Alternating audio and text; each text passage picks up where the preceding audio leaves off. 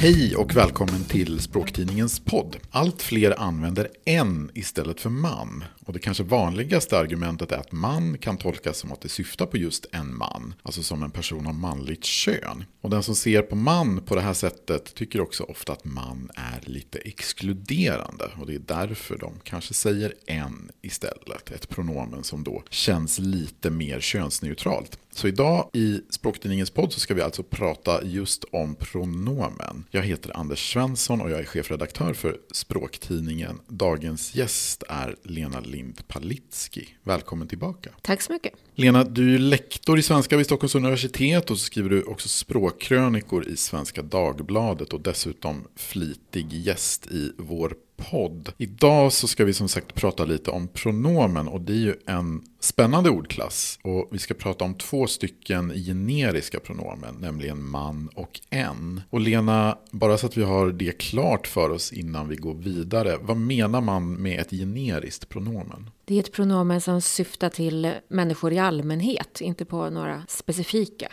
referenter. Man, ja det är ju då ett väldigt vanligt generiskt pronomen och det kan man ju till exempel då använda när man uttrycker något slags liksom allmängiltiga sanningar som att man har alltid ändan bak och man kan använda det istället för jag. Man har väl haft alla rätt på provräkningen förr? Det har man haft. Tala för dig själv. Ja, det kan syfta också lite på vem som helst sådär. Man bygger många nya lägenheter i Sverige. Men åtminstone sedan 1400-talet så har ju en använts lite på samma sätt i svenskan. Och i vissa dialekter så är det ganska vanligt att man säger en istället för man. Som att man säger en har alltid ändan bak då. Trots att en har använts på det här sättet i svenskan, men faktiskt i århundraden, så var det här med på 2014 års nyårslista. Och skälet till att vi tog med en då var ju just att än hade blivit väldigt mycket vanligare som generiskt pronomen. Hur kom det sig att eh, en fick ett sånt uppsving och framförallt då kanske i skrift vid den här tiden? Det hänger ju nära samman med henne-debatten som var lite tidigare runt 2010-2012 var ju den som störst. Och i kölvattnet av det så började man diskutera man och en väldigt mycket. Så att jag tror att det hänger ihop med hen som var då och att det fanns liksom en marknad för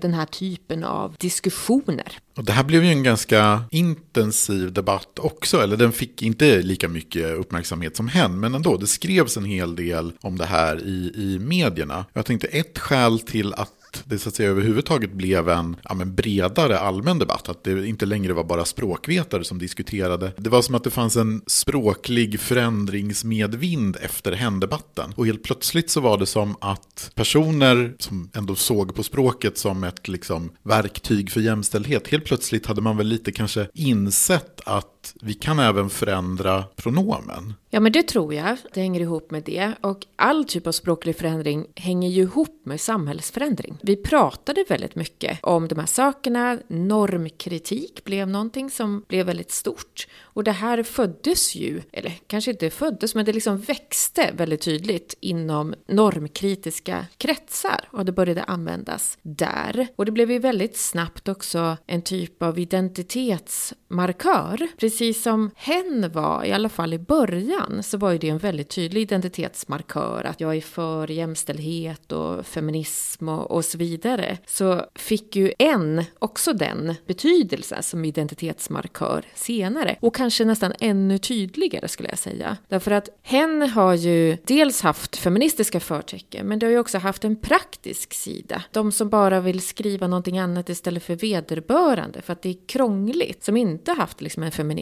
agenda. Så hen har ju varit på båda sätten, medan en har en mycket tydligare feministisk agenda, tycker jag. Att det är väldigt tydligare, en tydligare markör för normkritik eller, eller feminism eller så. En anledning till att hen blev så stort, det var ju för att det fyllde liksom en lucka i språket. Det fanns inget kort och smidigt ord som vi, som vi kunde ha i den här användningen när vi inte ville avslöja kön eller eh, när vi inte visste könet eller, eller så. Och det är ju skillnaden mot en. En har ju visserligen funnits i språket i en dialektal användning, men det fyller ingen lucka söka på det sättet som hen gör. Och jag tror också att när vi var inne på debatten, att det är därför det har debatterats där med en och man, men inte alls lika mycket som hen. Att debatten om en inte har blivit lika intensiv tror jag att det har att göra med att det mer blivit som ett personligt val, en personlig preferens på något sätt. Att var och en kan göra som de själva vill. Så den här ökade användningen, ja, den kom ju då ganska direkt på debatten om hen. Och många tyckte ju då att även man var ett tecken tecken på ja, men att det var en manlig norm som helt enkelt återspeglades i språket. Och att språket då i sin tur bidrog till att förstärka den här uppfattningen ja, men om att då mannen skulle så att säga fungera som norm även liksom i ett bredare perspektiv. Och Sara Lövestam som är språkvetare och författare och även skriver krönikor i Språktidningen. Hon skrev en krönika hos oss för något år sedan som handlade just om den här användningen. och Det är faktiskt en av de, åtminstone på nätet, de mest lästa texterna någonsin sa vi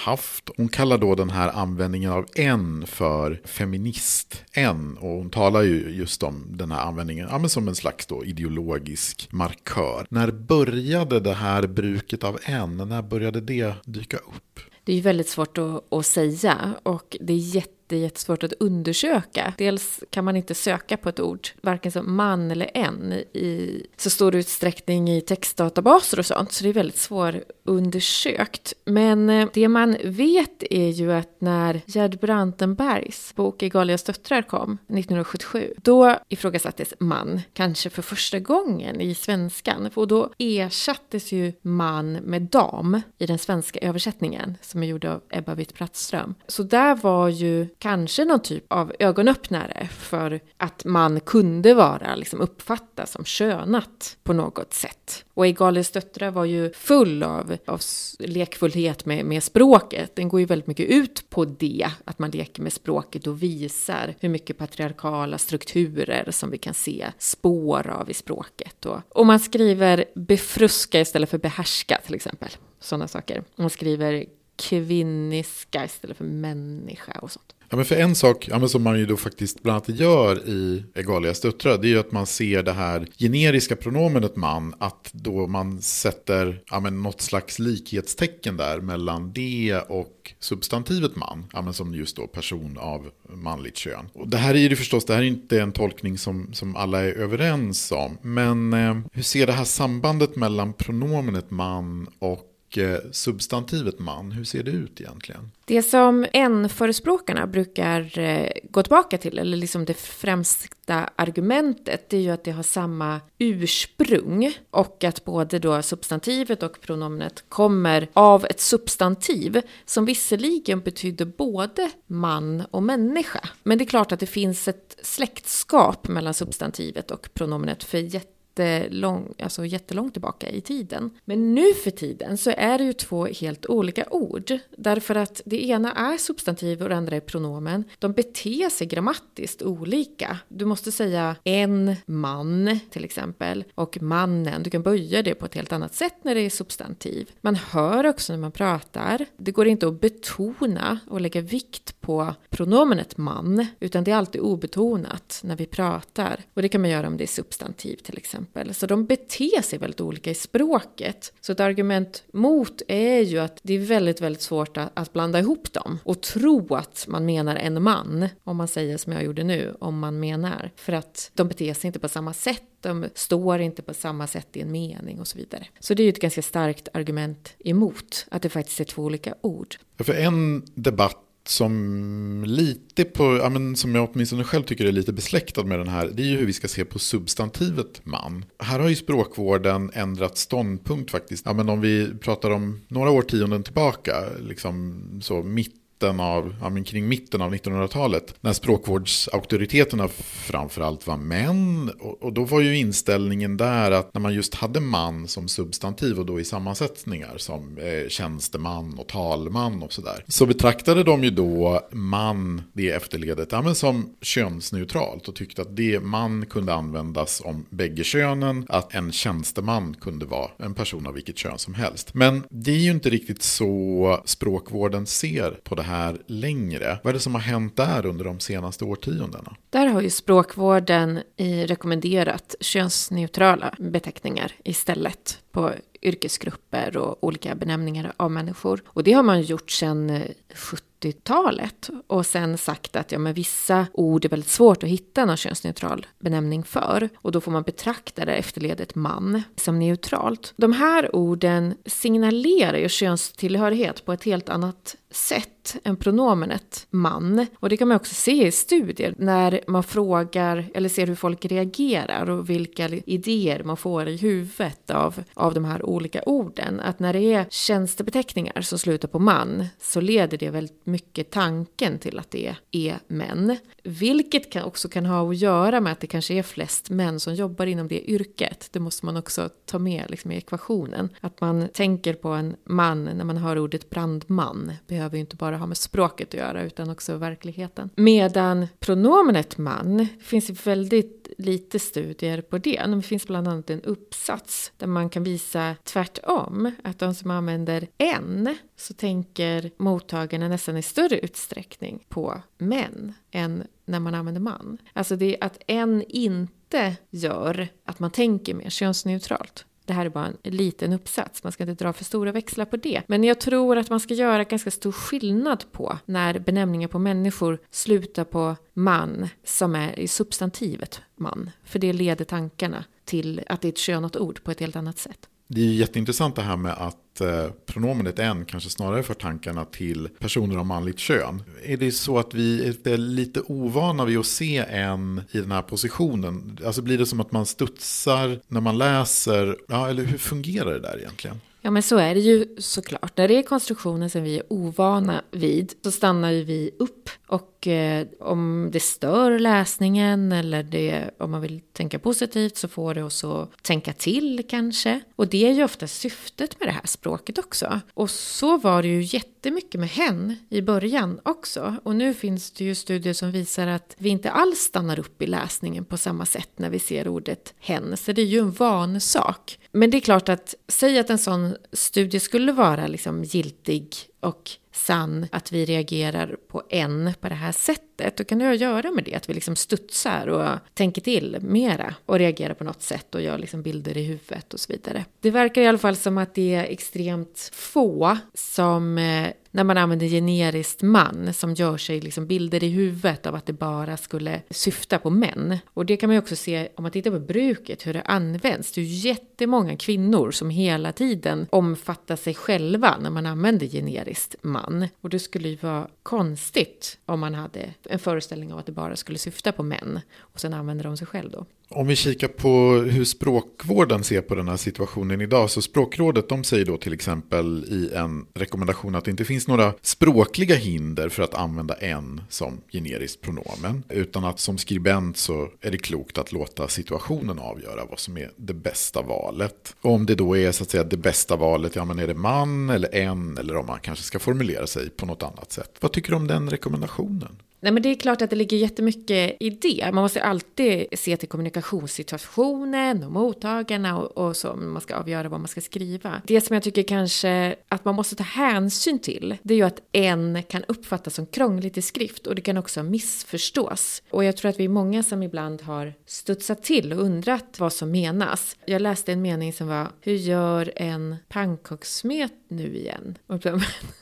Pannkakssmeten gör väl ingenting mer än stelnar och blir till pannkaka, tänkte jag. Och då var det en sån generisk användning, där jag skulle då ha sagt hur gör man pannkakssmet nu igen? Och då krånglar ju det till språket och det krånglar till läsningen. Och det tror jag är avgörande för att det är väldigt många som faktiskt inte går över till en. Och jag kan ju personligen tycka att, att det mest inkluderande språket, det mest demokratiska sättet och bästa sättet att uttrycka sig, det är ett språk som är, det ska vara lätt att använda, lätt att lära, lätt att förstå. Att det är liksom, det är det mest inkluderande språket. Och om det då blir lite krångligare och också eftersom man är ett otroligt vanligt ord, framförallt i talspråket, så tar det otroligt mycket tankemöda och kraft och ansträngning för att lära om. Och därför tror jag kanske inte att det har framtiden för sig. Det finns ju definitivt vissa situationer där man av ren vana då läser en till exempel som ett räkneord istället. Eller sådär. Att i, jag minns även i den här krönikan som jag nämnde som Sara Lövestam skrev för något år sedan så har jag för mig att hennes ett exempel var när hon själv hade studsat på just den här användningen var hur åker en buss i Gävle? Eller det var ju rättare sagt så hon läste det.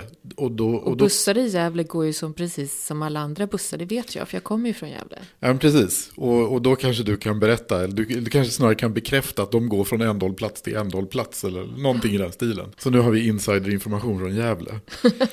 Men här var det ju förstås då en person som använde en som generiskt pronomen och just då syftade på snarare behöver jag, vad vet jag, köpa ett busskort innan eller liksom kan jag betala kontant när jag stiger på? Den typen av fråga var det väl egentligen den här personen ställde. En sak som jag tänkte vi skulle gå in på här det är att du och jag vi gör ju lite olika här. För som man kanske anat lite av din argumentation här så skriver ju du man. Mm. Jag vet inte om man har anat det av argumentationen eller jag kanske inte har argumenterat så mycket men jag gör det inte. Men jag är å andra sidan inte någon en-skrivare heller. Nej, du är en sån här undvikande skrivare. Jag är en undvikande skrivare. Har du själv funderat på att gå över till en? Och i så fall hur har du resonerat? Det där är en intressant fråga, för jag har ju ägnat mig ganska mycket åt den här typen av inkluderande språk och jämställt språk och feminism i språket och olika feministiska strategier och sånt och varit väldigt intresserad av det. Och eh, varit en stark hen-förespråkare, verkligen välkomnat hen i språket och tyckt att det har varit jättebra. Men den här eh, debatten om en man, där har jag liksom känt att det skaver lite, att jag inte håller med. Att det som identitetsmarkör, som en typ av feministiskt språk, ska jag säga, it tänka att, det, att jag borde kanske göra det, men jag har hela tiden stretat emot och så går jag mer åt ditt håll, att jag kanske undviker det. Men nu har jag ändå landat i att nej, men jag kommer inte vara en sån som går över till en. Just därför att jag tycker att dels associerar inte jag man, alltså det generiska pronomenet man, med substantivet man. Det är ingen association jag får i mitt huvud. Jag tycker inte att det är diskriminerande eller så att använda man som generiskt pronomen. Och det verkar inte heller finnas något stöd för, för det i forskningen eller så. Och dels så tror jag det här med att språket måste vara enkelt för oss. Vi ska liksom inte krångla till det. Och att använda en blir ju, ja men det är en identitetsmarkör kanske som feminist eller normkritiker eller någonting sånt. Men det kan ju också bli lite elitistiskt. Att det handlar om att men vi som förstår och är i den här ingruppen och använder det här som en markör och kanske ser ner lite på de som inte gör det eller inte har fattat än. Och den typen av språkliga markörer som är lite elitistiska de tror jag att man ska vara lite vaksam på faktiskt. För det är exkluderande fast på ett annat sätt. Jag tänkte precis på det just när du tog upp det här att finns det i vissa kretsar finns det en attityd av att en person kanske är en lite bättre feminist om den använder en istället för man. Ja, det tror jag absolut. Att det är så. Att man eh, har kanske kommit lite längre i sitt språk. Det finns ju i vissa kretsar där man faktiskt även i talspråket, som är det svåraste att liksom ändra sig i talspråket, där man absolut har gått över till en och jobbar hårt på det. Så det är klart att, att det då blir någon typ av hierarki för de som lyckas eller inte lyckas eller, eller så som kan vara ganska dömande och kritiska. Men du skriver däremot till exempel hellre då riksdagsledamot än riksdagsman och Eh, tjänsteperson istället för tjänsteman. Absolut, jag är en stark förespråkare för att använda könsneutrala efterled på den typen av ord. Men det är för att dels jag själv, mina tankar leder annorlunda om jag använder något könsneutralt jämfört om jag använder ett könat ord. Men dels att det också finns forskning på det som visar att den typen av ord reagerar många på. Och där handlar det ju också om en annan sak som är liksom samhällsutveckling, att när man skapade de här orden, eller när de orden kom till, då var det ju främst kanske då män som arbetade inom det yrket. Och när verkligheten ändras, så att könsbalansen inom yrket ändras, då är det ju naturligt att man också ändrar benämningen efter ett tag, därför att då är inte den representativ för hur yrkesgruppen ser ut. Men hur tänkte du när du slutade använda man i text, som jag vet att du gjorde? Ja, inför att vi skulle spela in det här avsnittet så har jag faktiskt funderat, för det här är ju ganska länge sedan. Jag minns inte exakt när jag bestämde mig för att göra det, men det är ungefär 20 år sedan. Jag hade väl naturligtvis någonstans snappat upp det här, och då inte en-bruket, utan snarare liksom undvika man som generiskt pronomen. Och då just då för att eh, ja, men det syftade på män och, eller att det tolkades så. Så att jag bestämde mig väl liksom helt enkelt för att börja undvika man som generiskt pronomen i skrift. Märk väl, för att den som har hört på, jag antar lite av det här avsnittet och definitivt en del av våra andra poddar märker ju att jag inte alls ens försökt sortera ut man ur mitt talspråk. Jag funderar på det också nu inför det här avsnittet, för det kan ju framstå som lite, lite hyckleri eller vad vet jag. Men det kanske var så också när jag försökte att säga ransaka mina mina bevekelsegrunder här, så kan det möjligen ha varit så att på den tiden när jag sorterade ut man,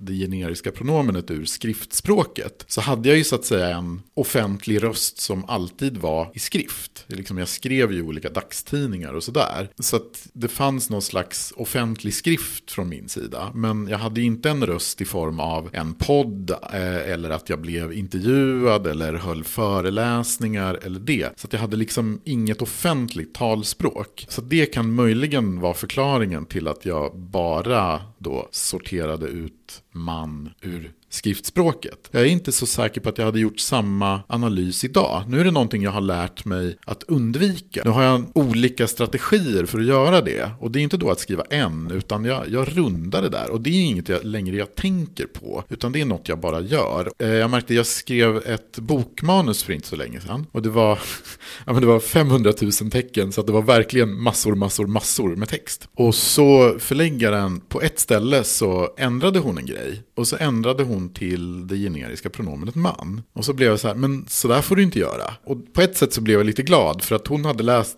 typ 500 000 tecken text av mig, vilket är gräsligt mycket, och inte fattat att jag var en man-undvikare. Och det är bra, för då tänker jag att då funkar det naturligt. Att de här så att säga undanmanövrerna känns inte längre som utstuderade undanmanövrer. Men samtidigt när jag funderade på det här så är det, det är jättesvårt att egentligen nu hitta skälet. Det finns vissa saker som har blivit så självklara så att man bara gör dem. Men finns det inte också andra skäl ibland som i just journalist eh, texter, Att det liksom i journalistkretsar så försöker man undvika man för att det är otydligt och det är bättre att skriva ut vem som gör någonting och det blir vagt i onödan och så. Att det också hänger ihop med det. Ja men absolut. Jag tror att den traditionen att se på man som lite, ja men inom citationstecken, lite dåligt språk. Den har nog minskat. Men det finns ju definitivt där att att eh, man kan ju definitivt vara lite vagt. Att du ska hellre berätta vem det är. Är det jag? Skriv det. Är det Skatteverket? Skriv det. Är det Västerviks kommun? Skriv det. Så att det finns ju definitivt en tydlighetsaspekt.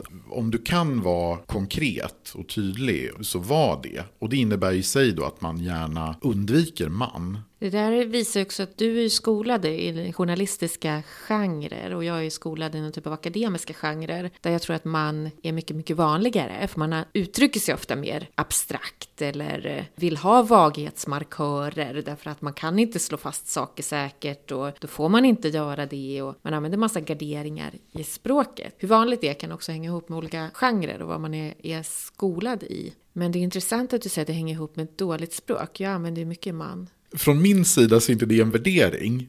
Utan det är ju snarare så att det finns en sån, som sagt jag tror inte den är riktigt lika framträdande idag. Men det fanns ju definitivt en sån syn i den stora journalistkåren. Just att man var lite, ja men man såg ner lite på det ordet helt enkelt. Jag tycker också att det är intressant därför att i, när man har jobbat med, med klarspråk, alltså myndighetsspråkvård, där finns det ju vissa språkliga konstruktioner som man pratar om att man ska undvika om man vill skriva så här, vårdat enkelt och begripligt som det står i, i språklagen. Och det hänger ju ofta ihop med de här undvikande strategierna att eh, det som är dåligt är till exempel att använda passiveringar på verben. Att man säger här byggdes ett hus eller så. Att det är så här, skriv ut istället vem som byggde. Att man döljer liksom aktörerna, man använder passiveringar. Eller att man, ja, det finns andra sådana sätt att, som man anser dåligt liksom in, inom eh, myndighetsspråkvården. Och det är ofta de strategierna som man tar till om man ska undvika man,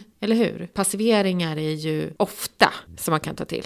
Det är ett lätt sätt att undvika man. Så det finns ju liksom intressanta aspekter på vad som är då ett så här vårdat, konkret, vad är ett bra språk, vad är tydligt och enkelt och så. Jag, jag försöker ju förstås runda passiveringarna också. För jag vet ju att det ses ju ner på dem också, men kanske från lite annat håll. Men just som du säger också att det kan ofta bli, kännas lite konstigt om man skriver, vad vet jag, det sköts i Stockholm igår kväll eller någonting. Det, det känns också lite, ah, det, det känns nästan inte som idiomatisk svenska nästan. Nej, och då är det ju inget bra språk. Men eh, om du skulle ge, om det finns nu lyssnare som känner att man verkligen vill undvika att skriva generiskt man. Vilka är dina tre bästa tips för att runda? Det där är ju jättesvårt. För som sagt, det här är ju en stil som jag har internaliserat och som jag inte på något sätt reflekterar över längre. Men det är klart att det givna är ju förstås, vem är det egentligen som agerar? Ja, är det ICA i